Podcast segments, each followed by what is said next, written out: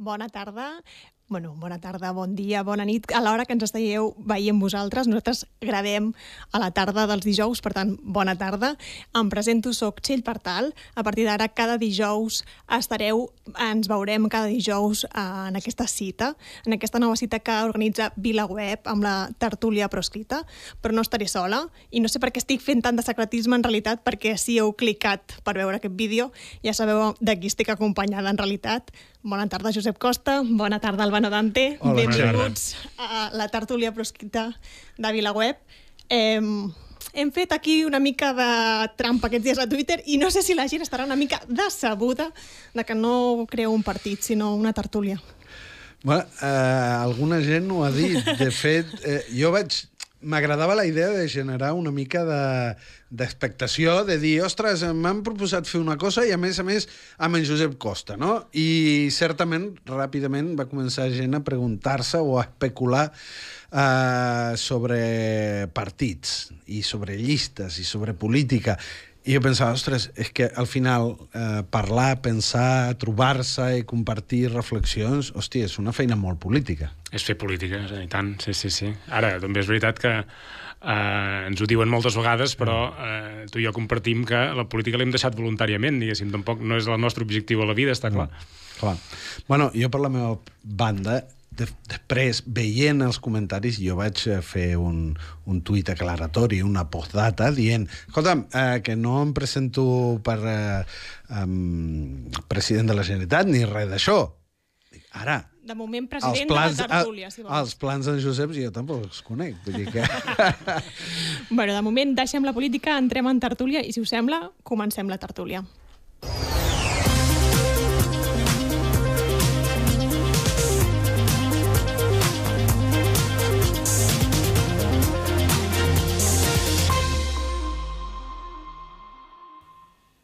I comencem amb una de les polèmiques de la setmana.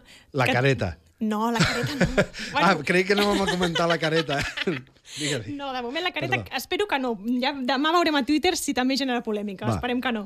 Però eh, era més aviat la de Carles Campuzano i Gabriel Rufián fent un anunci eh, de, la, de la nova residència de gent gran de Santa Coloma de Gramenet, un anunci que no, el conseller no pactava amb l'Ajuntament, sinó ho anunciava amb Gabriel Rufián. Una mica estrany tot plegat, no? No, jo crec que és... Eh, eh el que tenen en ment, diguéssim, ara que s'han quedat sols al govern i eh, tenen aquesta visió patrimonial, no? aquesta visió de que ara els toca a ells. Jo crec que el, el principal problema que té aquest, aquest govern d'en Pere Aragonès i que, i que explica moltes coses de tot el que fan és que tenen aquest sentit de eh, ara ens toca a nosaltres. I, I a més, quan els critiques sempre et diuen el mateix. És que els altres ho han fet 20 anys o 30 anys. De fet, en Rufián, quan l'han criticat, ha dit reiteradament oh, és que el PSC porta 30 anys governant i ara ens toca a nosaltres. És que... Uh... Però les coses canvien, no?, a més a més. No, i, i sobretot, no ofereixen res nou, només ofereixen uh, aparta't tu per posar millor, és l'únic que ofereixen. Sí, a més, uh, a mi el que em va cridar l'atenció, perquè al final és veritat que ara falten poques setmanes per a, per, per les eleccions. eleccions i, per tant, està tothom molt eh, susceptible. És veritat, també, i aquí... Eh, és veritat que això, més o menys, s'ha fet sempre. Vull dir, en el butlletí municipal de qualsevol poble eh, diuen hem fet aquesta setmana una reunió amb el conseller de no sé què.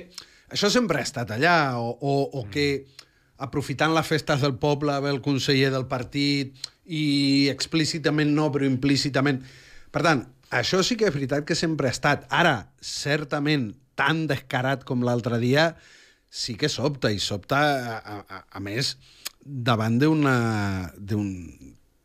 procés electoral tan proper, uh -huh. i clar, dius, aquest, aquest uh, desinvoltura, aquesta, mm, diguéssim, poc encongiment de tot això que sempre s'havia fet, però que ningú gosava fer-ho explícitament perquè tothom tenia la consciència de que això no es fa, quan veus que es fa i no només es fa pel vídeo, després hi ha un tuit que diu no, no, i a més a més, per si algú li quedava algun dubte, van i fa...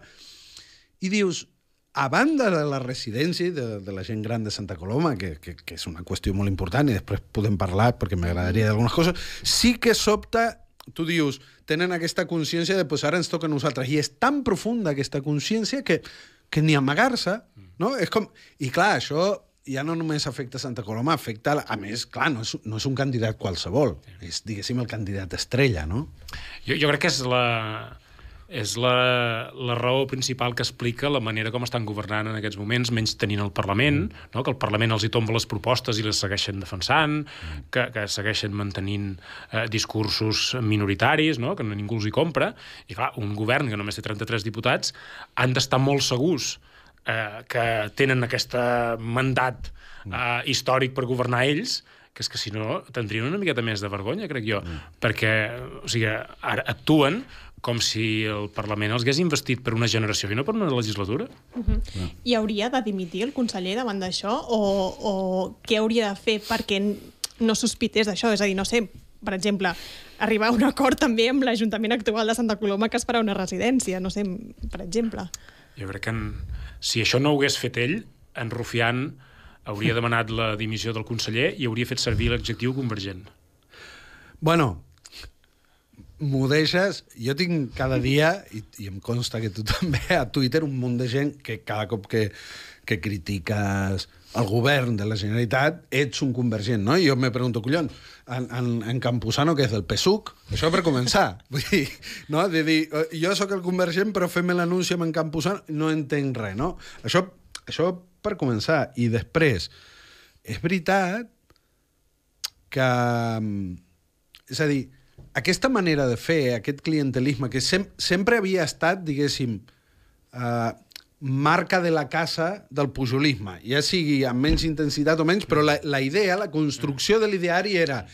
El pujolisme, justament, una de les seves potes era a, a, a, aquesta manera de... A, això és com s'havia creat en l'imaginari. Llavors, uh -huh. que la defensa d'aquesta manera de fer sea que a qui ho critica se li digui convergent al costat d'en Campuzano, certament ens parla de com, de com funciona el país, però jo voldria fer un apunt tècnic en el sentit de en els anys 80, a finals dels 80, principis dels 90, eh, amb el desplegament del, del sistema sanitari català, quan es reben les competències i s'han d'integrar tots aquests hospitals municipals que estaven, els grossos, estaven sota mandat municipal del Partit Socialista. Mm. I la Generalitat i els grans barons socialistes pues, tenien un pacte d'aquesta mena de mm. caciquil, no? És a dir, Convergència governava a la Generalitat, al cinturón rojo famós, doncs hi havia els grans hospitals municipals que començaven a estar finançats per la Generalitat. És a dir, que això ja ho hem vist. No? Sí, I, I, per tant, a, a, a, aquest autonomisme, quan diem autonomisme, sembla una paraula etèrea, i no ho és. Autonomisme és això, també, és repartir-se el país d'aquesta manera eh, caciquil, no? És que és la sociovergència, perquè el, el PSC de l'àrea metropolitana és una mica el mateix, té la mateixa concepció aquesta patrimonial del poder mm. eh, eh, que, que l'han demostrat eh, durant dècades, i, i com deia, diguéssim, la novetat aquí és que eh, Esquerra, quan intenta fer una aposta per penetrar l'àrea metropolitana, el que fa és copiar-ho. Mm. És un no, bon no... candidat, Rufián, per Santa Coloma de Gramenet? Um, no ho sé, jo no... no... És, el, té notorietat i hi ha gent que li fa gràcia sortir a la tele i que es parli de Santa Coloma, eh? Mm. però mm, més enllà de concentrar el vot de l'oposició, eh, jo no crec que tingui cap possibilitat de, de guanyar. Sí que és veritat que pot pot eh, mobilitzar una, un, un cert vot dispers que hi pugui haver allà a Santa Coloma. Per tant, jo eh, crec que mm, menys que multiplicar per dos els regidors que té Esquerra ara seria un fracàs per ell. Eh, I encara es quedaria eh, eh a la meitat del que va treure Núria Parlon i el PSC eh, fa, fa quatre anys. Per tant, no té cap possibilitat de ser alcalde, però té, té la possibilitat de, de créixer i de tenir un molt millor resultat del que va tenir Esquerra en el, en el seu moment. Bueno, hi ha, hi ha una estratègia explícita d'Esquerra Republicana, no?, d'aquesta idea d'eixamplar la base, aquesta idea d'eixamplar la base a, a nivell pràctic, a, a nivell, sí, de, de, de, de, concret, eh, les eleccions municipals són això, i el cinturó vermell és això, no?, de dir, l'independentisme pot estar també en aquest feu del PSC i, per tant, agafar una persona molt coneguda com, com Gabriel Rufián Clar, un bon resultat de Gabriel Rufián a Santa Coloma pot, vull dir, pot ser presentat com aquesta idea de fixeu-vos com nosaltres ampliem la base, no? en contraposició als independentistes dolents no? o hiperventilats o no sé què.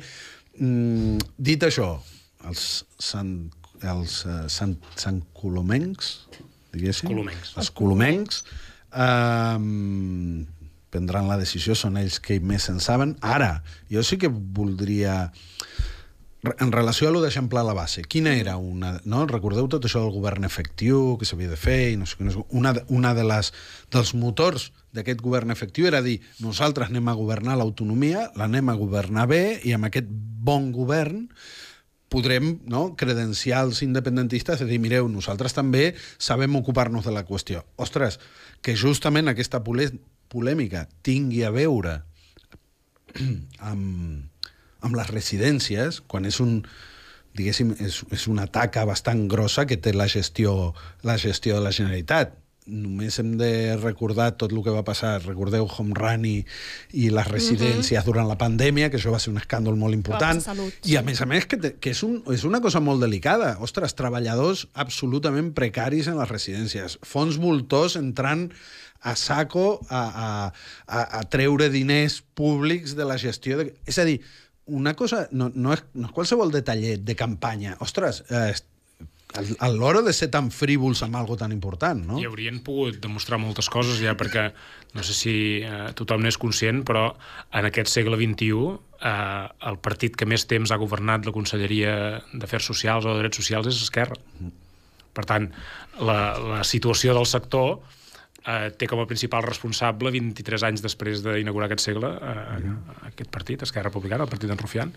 Creieu que hi ha nerviosisme? És a dir, creieu que aquest tipus d'estratègia errònia d'alguna manera, no sé si és errònia, eh? però, però que no els ha acabat de funcionar és perquè dins d'Esquerra hi ha nerviosisme pels resultats municipals, és a dir, Lleida i Tarragona sembla que no tornaran a, a tenir l'alcalde, en Barcelona Maragall no sembla que pugui tenir tampoc un resultat com per governar la ciutat. Creieu que hi ha nerviosisme? Jo crec que és evident, perquè més en, en, en Rufián eh, l'han obligat pràcticament a presentar-se allà a Santa Coloma i, i supos que si treu un bon resultat, que evidentment l'anteriors eleccions va ser tan dolent que és molt fàcil millorar-lo i podran tenir, diguéssim, una cosa per exhibir, però ell eh, l'any passat em sembla que va dir que estava en política per, de, per aconseguir coses com derogar la llei Mordassa, no va dir que estigués en política per ser alcalde de, de Santa Coloma. I, i bé mm, té, té, té, els, té el currículum que té. Jo, de fet, per Santa Coloma jo, jo faig feina a Santa Coloma i he viscut un parell d'anys i, i no l'he vist mai per allà, i de fet no hi viu. Um, no sé que s'hi hagi mudat de poc. Per tant, hi ha, hi ha, hi ha molta aparença. És a dir, de fet, amb tot el que fa Esquerra en campanya electoral és a dir, sempre, perquè Esquerra sempre està en campanya electoral, eh, és tot aparença i és propaganda, eh, i, i no, no, no hi ha res darrere, no hi ha, no hi ha projectes realitzats a, a l'hora de la veritat. Jo crec Alguna que... cosa més? No, o canviem sí. de tema? Mira, abans de canviar de tema, jo voldria dir que jo crec que ja hem demostrat que, confirmem segurament moltes de les acusacions que ens faran, no? De dir, oh, estan criticant a Esquerra... I tant que estem criticant a Esquerra. Jo a vegades perdoneu, eh, que faci... Que, perquè hem començat, hem començat parlant de Gabriel Rofiam, hem començat parlant d'aquest escàndol i segur que algú dirà, mira, ja s'han juntat en Josep Costa i tal a criticar Esquerra. És que el dia que no sigui evident que el que han de fer els ciutadans lliures és posar la lupa a sobre el govern i matxacar-lo en cada error que cometi, no, jo... Eh, de, eh, perdoneu, eh, però és que a mi això m'afecta, tu. Jo eh, fa molt de temps que estic a Twitter i encara no he fet prou pell gruixuda, però quan me diuen, no, és que sempre critiques Esquerra. Home, però és que és el partit que està governant el meu país. Aquí, vull dir, eh, quan, quan governi Junts i quan el governi la CUP segurament caldrà, perquè, perquè, però crec que això també demostra una manca de, de, de, de múscul democràtic, saps? Que, que, que hi hagin càrrecs de partits, alcaldes, que diguin oh, és que estàs criticant el, el, el partit que governa el teu país. Home, sí, pues, i, i prepara't perquè ho faré tot el que pugui. Vale. Perdó, eh? Però no, no, Cap problema, eh? Perquè, per això estem aquí. Ara sí, per això canviem de tema, passem a parlar de que s'ha celebrat el judici contra els membres de la mesa del, dels membres independentistes de la mesa del primer d'octubre, a excepció de la Carme Forcadell, que ja va ser jutjada anteriorment. bueno, aquests també van ser jutjats. Bueno, una mica complicat tot plegat, per això eh, hem decidit que connectem a la redacció de VilaWeb, que connectem a VilaWeb amb la persona que ha seguit aquest judici, el cap de redacció Josep Nolar Casulleres. Bona tarda. Hola, bona tarda, què tal, Txell? Ja s'ha vist per sentència aquest judici? Sí, ha quedat vist per sentència ja eh, el judici i bé, ja veurem què és el que decideix aquest tribunal, que és un nou tribunal que s'ha hagut de formar perquè eh, el tribunal que va fer el primer judici, tu deies, eh, ja els van jutjar, sí, ja els van jutjar. Si ens aclareixes això... Sí, els van jutjar l'estiu del 2020 uh, un tribunal que era presidit per Jesús María Barrientos, que és encara ara, però sembla que no serà durant gaire més temps, el president del Tribunal Superior de Justícia de Catalunya, uh, presidit per en Barrientos, i que també tenia un altre magistrat, que és en Carlos Ramos, uh, i tots dos es veu que en aquell judici van fer el judici sense tenir prou uh, imparcialitat, o, per, o sense ser directament uh, imparcials respecte del que estaven jutjant. No? Um, això en aquell moment va tirar endavant. Els membres de la mesa de la mesa de Forcadell, excepte Forcadell, perquè ja va ser jutjada i condemnada per sedició pel Tribunal Suprem, perquè ella havia de rebre un, un càstig exemplaritzant i més dur uh, per ser qui era i pels anys d'activisme que, que havia tingut, no només per ser la presidenta del Parlament. Doncs bé, doncs els, aquests membres independentistes de la mesa van ser eh, jutjats a banda en el Tribunal Superior de Justícia per desobediència. No? En aquell judici van ser condemnats. Uh, també hi va haver, uh, també va ser jutjada la Mireia Boia, de la CUP, però en el seu cas ella va ser absolta i els quatre condemnats uh, van presentar recurs al Tribunal Suprem. Uh, I després de, doncs, uh, bé, uh, més de dos anys, el Tribunal, el, eh, el Tribunal Suprem eh, aquesta tardor passada va decidir que efectivament que aquell judici eh, no s'hauria hagut de fer perquè eh, en Barrientos i en Ramos no eren prou, no, no eren imparcials. No eren imparcials per una qüestió més aviat potser tècnica, eh, no tant de fons, però prou important, que és el fet de que tots dos havien participat de l'admissió de la querella eh, que es va presentar eh, eh, contra ells contra aquests membres de la mesa i ja, ja es havien pronunciat o ja havíem fixat posició sobre aspectes fonamentals de l'acusació, no? eh, que tenien a veure amb el contingut del judici. Bé, eh, va ser una decisió molt sonada, la d'aquesta tardor passada, que es va apartar a Barrientos i a Ramos, i es va haver de configurar aquest nou, judi aquest nou tribunal i s'ha repetit el judici. I aquest judici s'ha fet aquesta setmana ha quedat vist per sentència i és això, veurem ara aquest, aquest nou tribunal si és capaç de prendre una decisió diferent de la que es va prendre la primera vegada. Uh -huh. uh, el que passa que entremig doncs, uh, han passat coses, ha plogut, uh, hi ha hagut, uh, hi ha hagut uh, moltes, uh, bé, moltes novetats. En el judici s'han vist coses interessants, algunes coses interessants a destacar. Avui hi haurà crònica del Josep aquest vespre, en direm crònica a VilaWeb, però sí, senyora. Eh, aquesta setmana feies un anàlisi, Josep, que jo vull fer-hi una mica eh, tractar-ho, diguéssim, perquè eh, mm. dèiem això, no? estan acusats de desobediència pel que va passar el 2017, però l'altre dia destacaves una frase de la declaració de Ramona Barrufet, membre de la mesa, que deia amb el 155 nosaltres vam acatar totalment la dissolució del Parlament i del govern, és a dir, la desobediència es va acabar, diguéssim. I això li dieu via, sí. via Barrufet. Sí, això, la via Barrufet, eh? Això de la via Barrufet, ara ho explicarem, a veure si puc fer-ho una mica ràpidament i que s'entengui.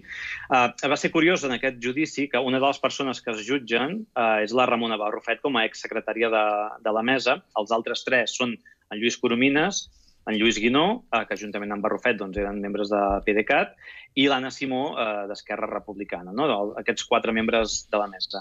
La Ramona Barrufet em va sorprendre en la, la primera jornada del judici, que és quan van declarar els acusats, que justament l'última frase que va fer eh, en la seva declaració va ser aquesta, aquesta que has dit, aquesta que has esmentat, de que es va acatar el 155, que es va acceptar o es va acatar la dissolució del Parlament i, i del govern, i, i ho va deixar dit al final, no? I, I, clar, això de seguida em va connectar amb, amb el que és la via Barrufet, perquè la Ramon, que, que porta el nom de la Ramona Barrufet, uh, perquè això és més o menys la frase que va dir uh, ella mateixa al uh, novembre del 2017 davant del jutge Pablo Llarena, uh, aquella primera vegada que van anar a declarar els membres de la mesa, inclosa Carme Forcadell, en aquell moment, en el moment en què es presenta la querella aquella de Mas, Mas dura serà la caïda no? del, del fiscal Maza, van anar a declarar primer els membres del govern el 2 de novembre, ara si no, si no m'equivoco amb les dates, eh? 2 de novembre del, del 17, van a de, va declarar mig govern i tots acaben a la presó. De, uh, els empresona la Carmen Lamela, l'Audiència Nacional Espanyola. Uh, una setmana després uh, són cridats a declarar els membres de, de la mesa en el Tribunal Suprem. Aquests van anar al Tribunal Suprem per un tema d'aforament, però en, en teoria els hi hauria de tocar al Tribunal Superior de Justícia, però bé, van anar al Tribunal Suprem. I en aquelles declaracions, clar, ells ja tenien l'experiència del que havia passat amb els membres del govern, que tots van acabar a la presó. Uh, durant els dies previs a anar a declarar davant de Llarena, uh, hi va haver un advocat, que és en Xavier Melero, que uh, va imposar el seu criteri uh, amb, quan parlaven amb la resta d'advocats del, dels, uh, dels investigats, que era el de, mireu, ho, hem de fer diferent de com ho van fer els membres del govern. Hem de respondre a les preguntes de Fiscalia, no només dels advocats, i a més a més hem de canviar de, de xip i hem de dir que, que, que, que acateu la Constitució, que acateu el 155, que renuncieu a la unilateralitat i que renuncieu a tot, eh? i que us portareu bé. I que això quedi clar, perquè si és d'aquesta manera podreu es esquivar la presó van anar declarant un darrere de l'altre i van anar dient més o menys això, que la declaració d'independència va ser simbòlica, eh, que això, que, que havien acatat el 155 eh, i el la Constitució, etc. Però el fiscal eh, Fidel Cadena anava demanant per tots ells presó incondicional igualment.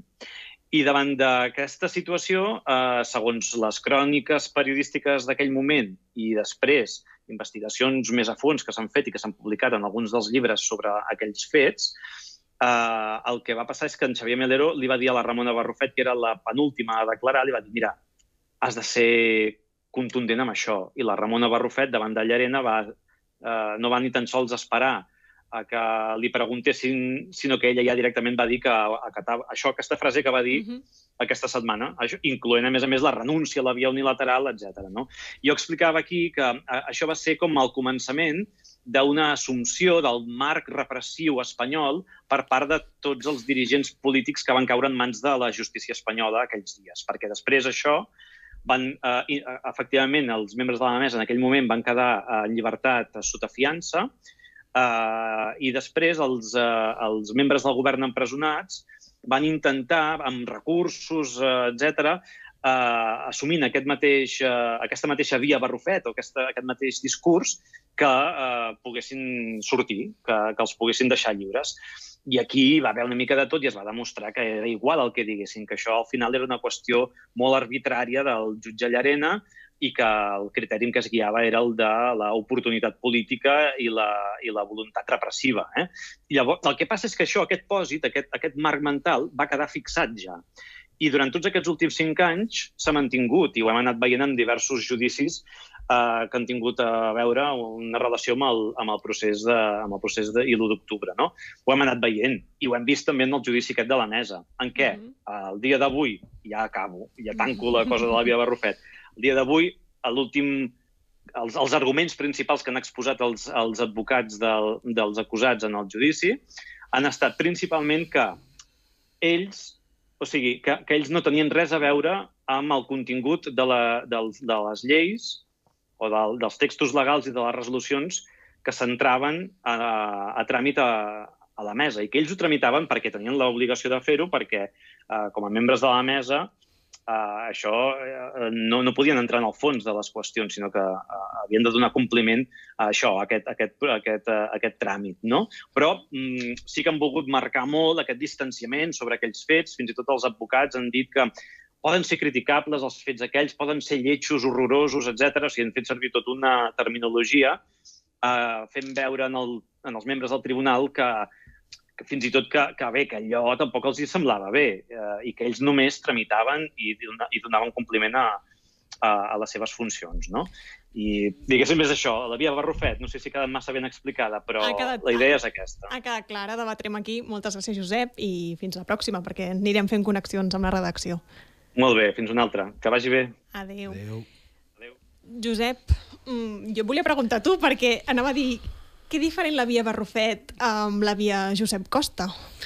Um, bé, a veure, jo evidentment no vaig estar en la situació del Tribunal Suprem de, del 2017, però eh, és evident que eh, crec que molts hem arribat a la conclusió de que la, la via, diguéssim, de l'advocat Melero, l'estratègia aquesta de l'advocat de Melero de dir ens portarem bé, no hem fet res de mal i ens portarem bé, no ha funcionat, no? No ha funcionat pel país. Potser ha funcionat per algú, per salvar-se personalment, però eh, jo crec que no estàvem aquí per, per qüestions personals i per, i per prioritzar la, la situació personal de ningú, sinó que realment el, el, la dinàmica que ha creat és, és tremendament nociva, perquè és una, és una situació en què, eh, de fet, era més important en tots aquests anys perquè algú estigués a la presó o no el que fèiem els de fora que el que feien els que estaven davant els, eh, els jutges, no? De fet, eh, potser eh, eh, tota aquesta crònica eh, és, molt, és molt real, però eh, ens falta aquest, aquest element de xantatge, de, de, de, no? de, aquesta mentalitat de segrestador que fan servir el Tribunal Suprem, que és no és tan important el que digueu aquí, que ho és, no? perquè els volen humiliats, els volen rendits, els volen acatant-ho tot, però no els hi basta, no, no és suficient. Per mm -hmm. això no els deixen sortir tots. I aquí crec que és la, la clau de, no? del, del moment aquest de, de, que parlàvem ara de, del Tribunal Suprem de Madrid, Uh, la clau en, aquell, en aquelles declaracions és que en deixen sortir, dels que estaven a la presó, en deixen sortir sis i se'n queden quatre. Uh Mhm. -huh. I tu dius, perquè, quins quatre es queden? Els, uh, aquests quatre no havien acatat prou bé la Constitució, no havien renunciat prou bé a la via unilateral, no. Uh, uh, la qüestió és que uh, se'n van quedar un de cada organització independentista el més important. De fet, es van quedar el president d'Esquerra Republicana, el president de l'ANC, el president d'Òmnium i el conseller Interior, que era de Junts, perquè no tenien el president. Uh -huh. I això és molt significatiu. Ara dic que diferent amb l'àvia Josep Costa, però és a dir, tu fa uns mesos vas tenir un judici i no vas dir pas... bueno, clar, és veritat, tu no vas acatar el 155, eh? però, però la teva actitud davant dels jutges va ser una altra. Bé, davant dels jutges i també en les reunions de la mesa quan es discutien aquestes coses, mm -hmm. perquè uh, hi ha una cosa que, que uh, inclús en el judici s'ha parlat i, i, i no sé si tothom l'ha entès bé, perquè han, han vengut a dir bueno, que nosaltres ens varen absoldre i han intentat explicar una miqueta als advocats eh, que ells havien fet el mateix que nosaltres, o el que havia fet servir el, el, el tribunal, en el nostre cas, per absoldre'ns. I, i, I, clar, això passa per alt una cosa, que és que la sentència, eh, quan explica per què ens absolen, quan explica que el que varen fer nosaltres eh, no era ben bé el mateix que havien fet ells i, i, i, i tal, eh, menteixen. És a dir, en el, en el, quan es tanca la instrucció, eh, diuen mm, en, el, en la resolució de la jutge instructora, eh, hi ha un parell de frases que m'atribueixen a mi, que estan a les actes de les meses, dient que eh, jo no, eh, en cap moment dic que no hagi rebut els requeriments, que no sigui conscient de les ordres del Tribunal Constitucional, sinó que dic que les consideri legals i que per això no les eh, don compliment. I, i, I això ho feien servir en contra de tots per dir que havíem desobeït i després a la sentència diuen que en realitat no hem desobeït i, i, i menteixen i això que, que estava en els papers i que estava demostrat eh, diguéssim, ho ignoren i, i posen, bueno, fan un relat per dir que en realitat no varen desobeir i no varen fer eh, res, res de mal i jo crec que el, el, la qüestió, hi ha una, una cosa que, que m'agradaria comentar del que ha dit en Josep, mm -hmm. que és interessant, que és quan diuen els advocats que els... Eh, diguéssim, en, avui a les conclusions del judici es distanciaven de tot allò que s'havia fet. I jo no, no, no, no sé exactament, no, he sentit complets tots els discursos i exactament això com ho enfocaven, però hi ha una cosa que eh, en un judici com aquest sí que has de dir, que és, eh, escolti'm, vostè està jutjant el Parlament, està, vostès estan jutjant les lleis, les resolucions, les votacions que ha fet el Parlament. Vostè què m'explica a mi, que jo era un membre de la mesa que feia la meva feina? Però vostè està castigant la institució del Parlament per les decisions que ha pres la majoria democràtica sortida d'unes urnes. Bueno. I, per tant, aquest argument, eh, eh, jo eh, també el faria, eh, potser amb unes altres paraules o amb una altra vehemència, però relacionat amb el que és la inviolabilitat del Parlament, perquè el, la gran aberració democràtica d'aquest judici és castigar uns membres del Parlament concret, uns diputats concrets del Parlament, per les decisions que ha pres el Parlament com a representació popular. I això és el que és el, bueno, un escàndol. És, és que si, si aquesta, això hauria de ser el, aquesta negació hauria de ser el frontispici deixa'm dir-ho així, de tot el que facis després. Que després vas, parles en, en castellà, parles en català, eh, t'enfades, eh, li gires la... el que vulguis, però si no comences des del punt d'invalidar, de dir, mire, vostè faci el que hagi de fer, si no comences per aquí, de dir, aquest judici, tot ell, vull dir, l'arrel mateixa del judici és il·legítima. És, és il·legítima. Si no comences així, da igual que ho diguis explícitament o no. Vull dir, estàs acatant. Estàs acatant... Vull, vull dir, és que al final són els poders, no? Hi ha poders jutjant poders i si el poder jutjat no, no se posa de peu, doncs, escolta, el judici ja està perdut independentment de després si aquell l'inhabiliten dos anys o aquell... Vull dir, això al final és el de menys perquè això és el que afecta a les persones, però el que afecta al país, el que afecta a la política, el que ens afecta a tots és això, és acceptar que, bueno, que va ser el que, el que tu no vas fer, no? La, la via costa és agafar i dir, senyor, jo no sé, jo tinc coses a fer, saps? Vull dir, què, què esteu fent? Ja us ho apanyareu. Bueno, és, per és què una... no ho fan? Perquè a tu, vull dir, tampoc... No em va anar malament. De moment, ja, ja veurem. Potser repeteixen el judici, també. Ah, o però... potser ara entra per la porta aquí... I... Però bueno, no, no. Ah, no, això, si, perquè, si repeteixen per, el judici, votes em conviden. Per què no ho fan? Perquè molts dels que s'han sent jutjats són polítics i estan recolzats pels partits. És a dir, no poden dir, no, mire, jo aquí estic com a ciutadà... Uh, vull dir, formen part de les estructures de partits que estan fent política. Per tant, segueix sent un judici polític. Aquí ningú es pot posar de perfil i dir no, és que això cada un ho fa com pot. No, cada un no fa com pot, no. Clar, si aquí la, la, la qüestió política de fons, que és la, el que vaig intentar transmetre allí, és dir... Uh, no pens demanar, no pens, perdó, no pens donar explicacions del que fa el Parlament en un jutjat, com a concepte, perquè és uh, absolutament incompatible amb la idea de la separació de poders, que és l'essència de la democràcia. I, per tant, no, jo davant un jutge no donaré cap explicació, no parlaré de res del que vaig fer a sent membre del Parlament. Jo eh, parlarem de la, de la jurisprudència, de la inviolabilitat parlamentària, de les lleis, de, de, de, de les sentències d'Estrasburg, parlarem del que vulguin, menys del que vaig fer quan era membre del Parlament. Això ho vaig tenir molt clar. Jo vaig dir, no pens donar ni una explicació, no pens contestar ni una sola pregunta sobre eh, la meva activitat com a parlamentari, perquè és l'essència de la separació de poders. Jo puc... De, si, si, si m'he equivocat sent membre del Parlament, puc donar explicacions davant el Parlament, davant la ciutadania, davant la comissió de l'Estatut del Diputat, eh, amb el codi deontològic, el que calgui, però eh, eh, el, que no, eh, el que no faré com a principi és donar explicacions en un jutjat, i menys en un jutjat espanyol, però fins i tot... Sí, sí. Si, sí. si fóssim... El jutjat de la República Catalana... Tampoc. Tampoc. Tampoc. Escolta, tinc una pregunta. Abans has dit alguna cosa... Uh, has dit que ja durant... m'estàs robant el, el sí, lloc, eh? Sí, no, no, no, però és que dit una cosa que... Uh, tu dius, en, uh, hi havia, en algun moment del judici es va esmentar el que deien les actes entenc les actes de deliberació de la Junta de Portaveus. Jo tenia entès que aquelles actes són... Vull dir, estan protegides pel secret eh, de la Junta de Portaveus. Entenc que en algun moment, llavors, el Poder Judicial s'ha dirigit al Parlament i li ha demanat aquestes actes. I tant. I, sí, sí, i va, com... la Fiscalia va requerir el secretari general per enviar-li les actes. Però el secretari general podria haver dit jo no li dono a vostè I el, les actes. I, I el secretari general li va enviar totes les actes uh, perquè ara no sé si estic canviant de tema perquè havia de salvaguardar els 250.000 euros que cobra com a secretari general del Parlament que això és el que hauríem de jutjar i, i, i sotmetre, diguéssim, a un tribunal popular a veure si és admissible o no. És que jo me'n recordo, jo, mm, perdó l'autocita, però jo, jo mm, per qüestions del destí vaig acabar eh, formant part de la Junta de Portaveus i una de les coses que es diuen clarament sobretot els, els novatos, no? diguéssim, que arriben allà escolti'm, el que passa aquí, i a més, normalment és bastant respectat, perquè hi han de tots els partits, i això, per exemple, quan es debat l'ordre del dia del següent ple, no? Ho dic perquè jo no ho sabia fins que m'ho vaig trobar i no sé si la gent... Ho...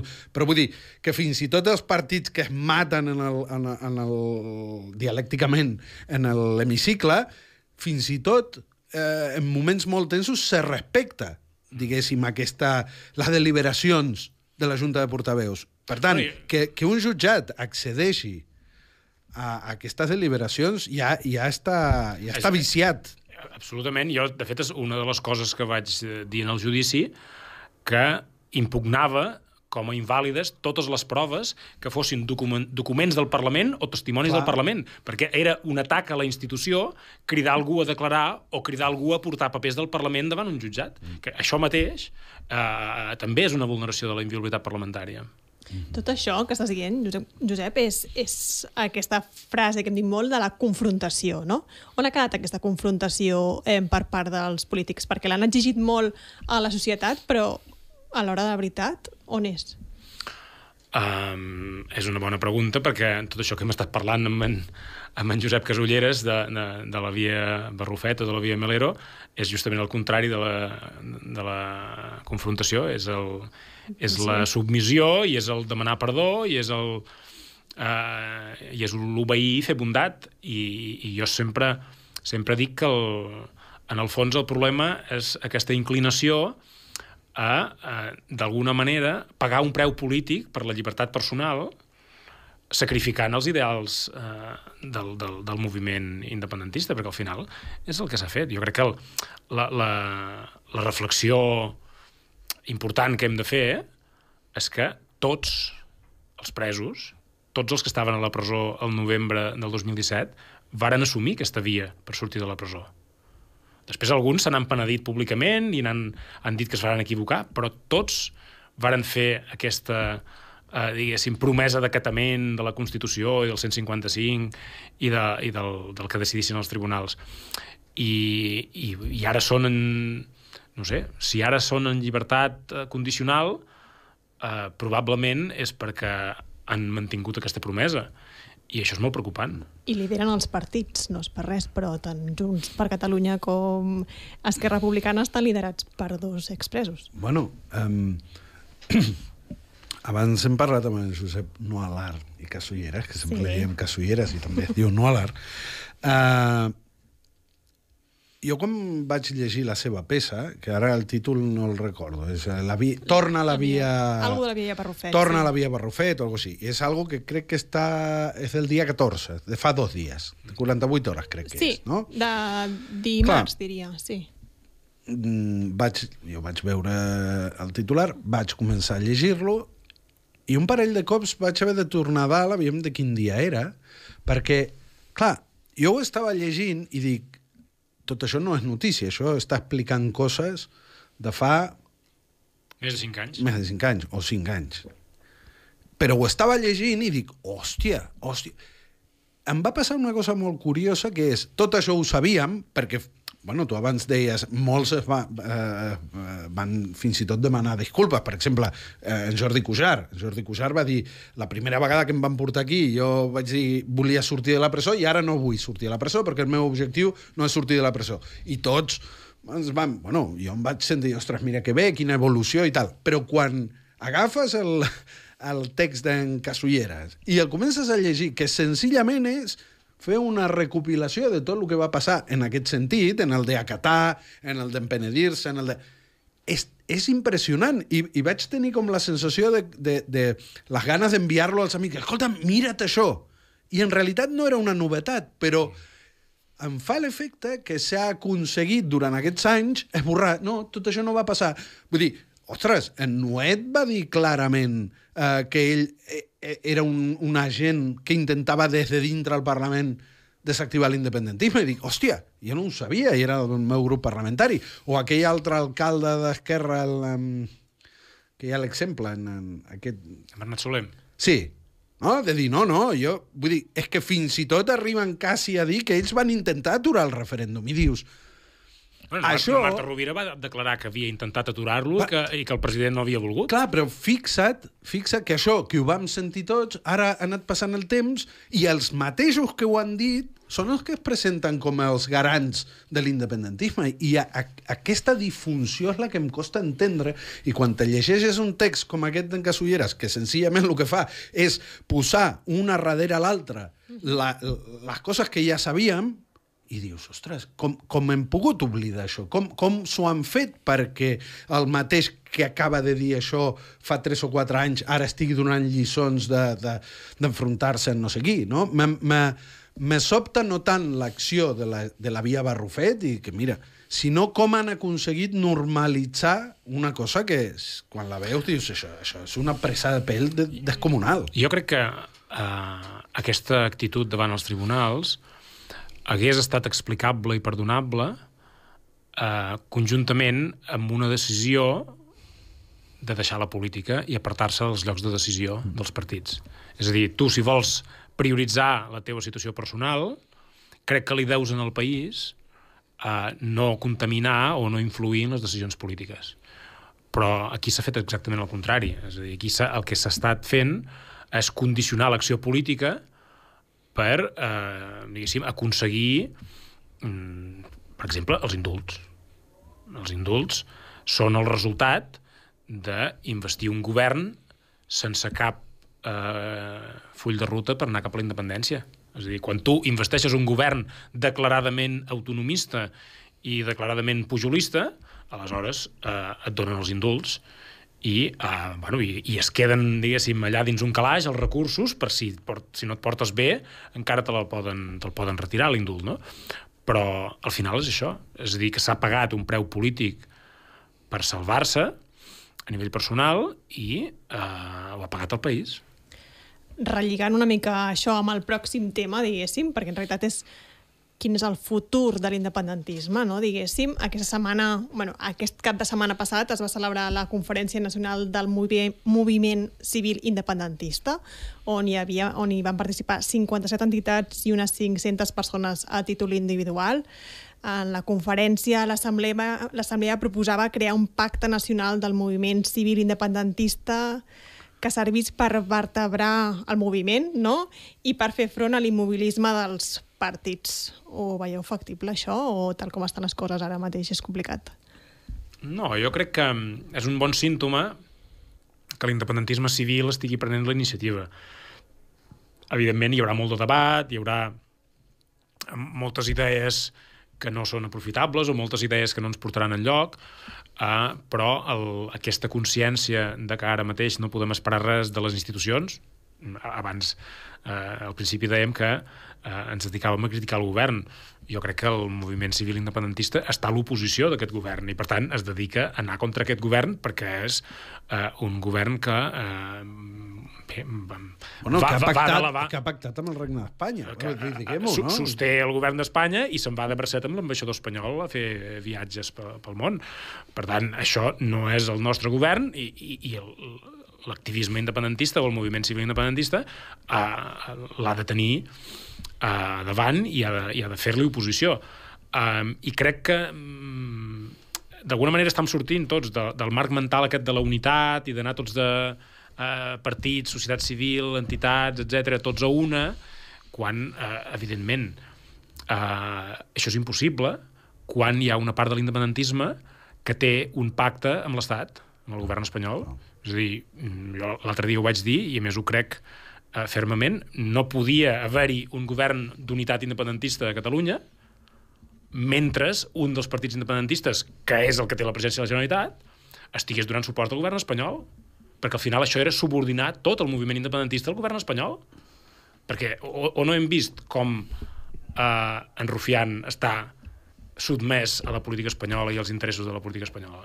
Mm. Per tant, si el seu partit té la presència de la Generalitat i tots els partits independentistes li donen suport, el que fa és que tota la política catalana està sotmesa a la política espanyola. Mm. I això crec que finalment mm, està calant i tothom ho veu i, i, i anem cap a una cap a una situació en què el moviment civil ha de marcar la seva pròpia agenda, ha de marcar eh, les seves prioritats i eh, no esperar que el, que ningú eh, ara mateix eh, vulgui consensuar estratègies perquè, mm, a veure, mm, si no vols anar enlloc, no pactaràs el camí per, per anar-hi, no? Però les entitats realment tenen aquest poder de poder acabar amb l'immobilisme dels partits, Albano?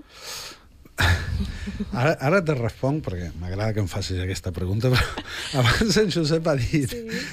ha dit això de la gira aquesta que ha fet en Pere Aragonès, no? Sí. Amb, amb el... I he pensat això de catalanes por el mundo, ¿no? Semblava com un programa de televisió espanyola, ¿no? Mira, hem tret els catalanes a, a que conozcan un poco Latinoamérica, ¿no? A TV3 hi havia lo del Mikimoto, no? Havia... Sí, a TV3 hi havia lo de Mikimoto, però certament, en, en aquest cas, més que Mikimoto, ja te dic, sembla Callejeros Viajeros o aquestes coses que fan a 4 o a Telecinco, senzillament perquè estava la bandera espanyola allà, que és una manera com qualsevol altra de dir aquí manem nosaltres i si tu estàs aquí és perquè tu hem permès.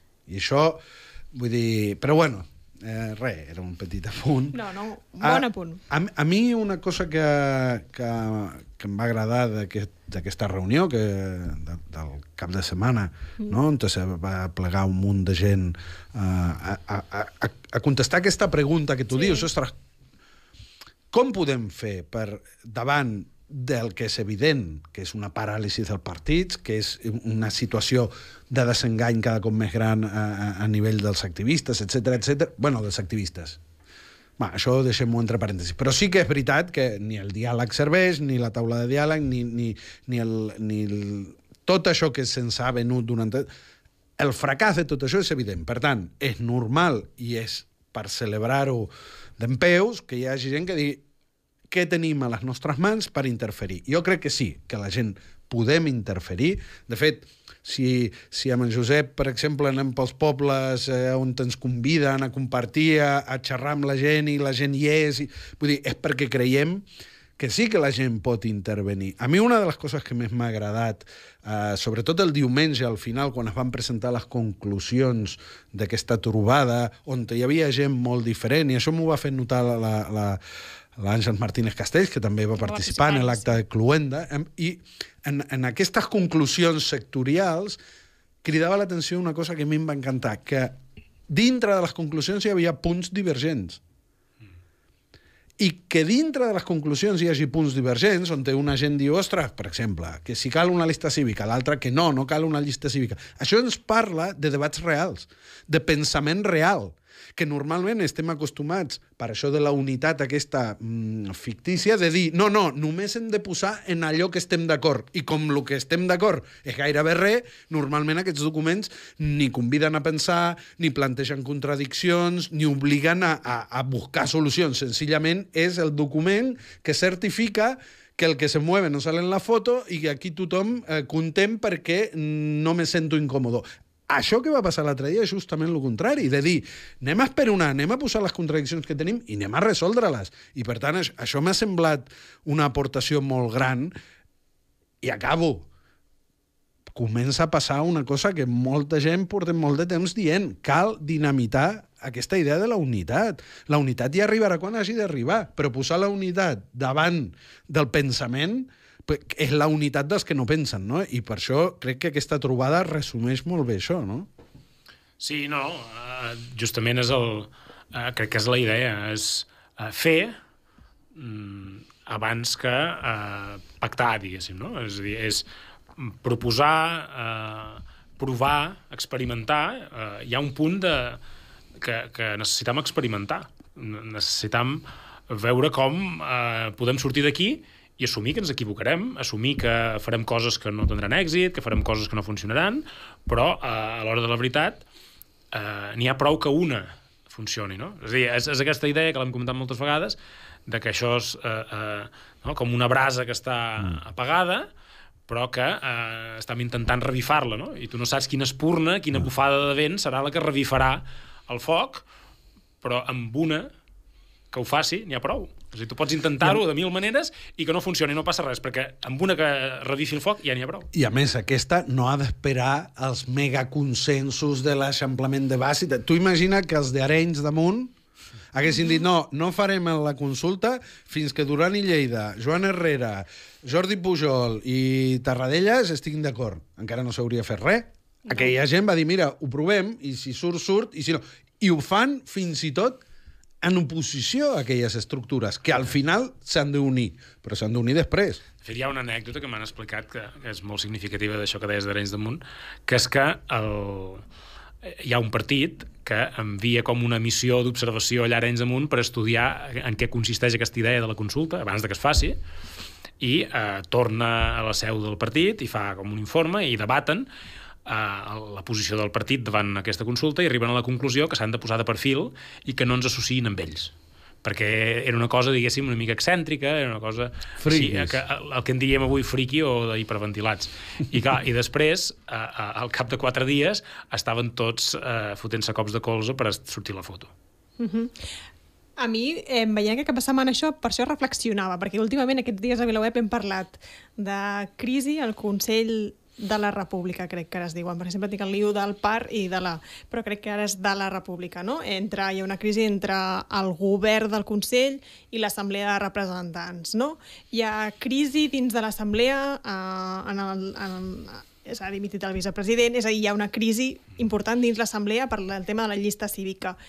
Hi ha crisi dins d'Òmnium d'una altra manera, però a VilaWeb hem, hem explicat que diverses, eh, diversos nuclis, nuclis de municipis concrets ha, han dimitit perquè no se senten representats a, amb, la, amb la nacional, no? Eh, llavors, aquestes entitats independentistes, que diríem les tres més potents serien aquestes, estan també en crisi, per tant és molt més difícil eh, representar la gent, que com dieu, la gent hi és, però, però no troben com canalitzar tot plegat. Jo crec que el, el, el problema és que totes aquestes entitats estan parlant d'elles mateixes. És a dir, eh, estan tenint debats sobre les seues estructures, sobre els seus procediments, sobre la seva forma de funcionar. És a dir, no estan parlant de l'independentisme com a projecte de país, no estan parlant de l'estratègia que hem de tirar endavant uh, uh, per guanyar, per acabar el, el que vàrem començar el 2017, sinó que estan parlant de uh, qui té la potestat reglamentària, de si el comitè permanent té més poder que l'assemblea, si està massa professionalitzada l'entitat o deixa lloc per als voluntaris facin la seva feina, estan parlant de coses que només interessen en els seus socis i, i no tots. Uh, I, per tant, mm, jo crec que la solució, i per això crec que el, va en la bona línia la conferència que es va fer aquest cap de setmana, és parlar de com volem fer la independència i de, i de, i de què hem de fer per, per redreçar tot el, tot el moviment, que jo també sóc amb això bastant optimista, que és que ja ho estan fent. És a dir, des de l'11 de setembre de l'any passat, des de la Diada, que vull recordar que la varen boicotejar per terra, mar i aire, que va ser un mm -hmm. èxit i va ser una demostració de força del moviment civil, uh, les coses han començat, han començat a canviar. No? És a dir, uh, jo crec que estem, estem en una fase ascendent, de molt avall, perquè hem caigut molt avall, però estem en una fase ascendent i hem tocat fons. Jo eh, torno, torno a Arenys i aquest procés llarg, o sigui, aquesta mirada aquests dies ho veiem, no? que fins i tot des de l'espanyolisme o fins i tot de, des del govern, no? posar aquestes diferències que hi ha al si de les organitzacions com a exemple de lo malament que van les coses. I jo crec que justament és el contrari, és l'exemple de com d'insostenible és la situació actual i que comencen a esclatar les costures. Eh, i, i, I torno a Arenys. És a dir, la ruptura del mapa polític que genera aquella acció, és a dir, uh, per sort, Convergència i Unió es trenca. Per sort, comença a tensar-se el federalisme d'iniciativa. Per sort, uh, passen tot una, el, el PSC... Home, tenim a Iceta eh, demanant un referèndum. És a dir, la gent és la que esquerda les estructures preexistents amb les seves demandes, amb els seus anells, amb les seves preguntes. Per tant, si a l'1 d'octubre arribem gràcies a que la pressió de la gent aconsegueix esquerdar estructures com a partits, organitzacions, etc. doncs si ara s'estan esquerdant vol dir que ja està actuant. Per tant, jo crec que aquestes esquerdes, aquest malestar, aquest eh, sensació de, de, de, de distrés, diguéssim, uh -huh. és no és dolent, al contrari, insisteixo, caldria aprofundir i que, que explotin més coses, perquè eh, potser ens hem de treure del damunt estructures... Penseu, eh, estem parlant d'organitzacions pre-1 d'octubre i que, per tant, eh, potser hem de construir coses a la llum de l'1 d'octubre, no? I, I són coses noves, i lo nou xoca amb lo vell. Abans pensa que, eh, eh ho recordaves, Eh, pensa que vàrem tenir un, problema justament del contrari, de no parlar de les coses, de no explicar el que estava passant. És a dir, quan teníem, quan estàvem patint tota aquesta uh, situació de xantatge uh, amb els presos, no? sobre la seva llibertat i sobre les, el que podia fer el govern, les tensions que hi havia, a veure, en els últims uh, anys, els, els tres anys i mig després de l'1 d'octubre, tenim una autonomia que està tutelada per l'Estat i està tutelada pels advocats dels presos. Perquè al final els interessos de la defensa jurídica dels presos i de les persones encausades eh, passa per damunt de moltes coses i això silencia debats, això, eh, eh diguéssim, força que no es faci res sense consens. És a dir, el, el gran problema que tenim durant la, la legislatura post-1 d'octubre és justament que eh, hi ha aquesta por de, de, de, de no poder fer res bueno, si no hi ha consens, si no hi ha unitat no podem fer res. També és comprensible, I, potser. I no, i no potser, res. potser Estem emocionant molt, però m'estan dient que, ah, que, de... que ja se'ns ha fet ràpid, però hem d'anar acabant, em sap greu. Continuarem, perquè ara eh, se'ns ha, se ha fet curt, parlaríem més, però res, continuem dijous que ve. Vull dir que no, no hi ha problema en això. La setmana que ve podrem criticar el govern? Sí, Perfecte. tothom podreu criticar. Sempre les crítiques seran benvingudes aquí a la tertúlia prosquita. Allà on segur que no el criticarem serà a TV3 o a Catalunya Ràdio. Bueno, bueno, ells mateixos. Allà s'ho faran ells. Nosaltres, aquí, cada dijous, eh, esperem que no us haguem decepcionat, malgrat no fer un partit, fem tertúlia, però us esperem cada dijous aquí. Moltes gràcies.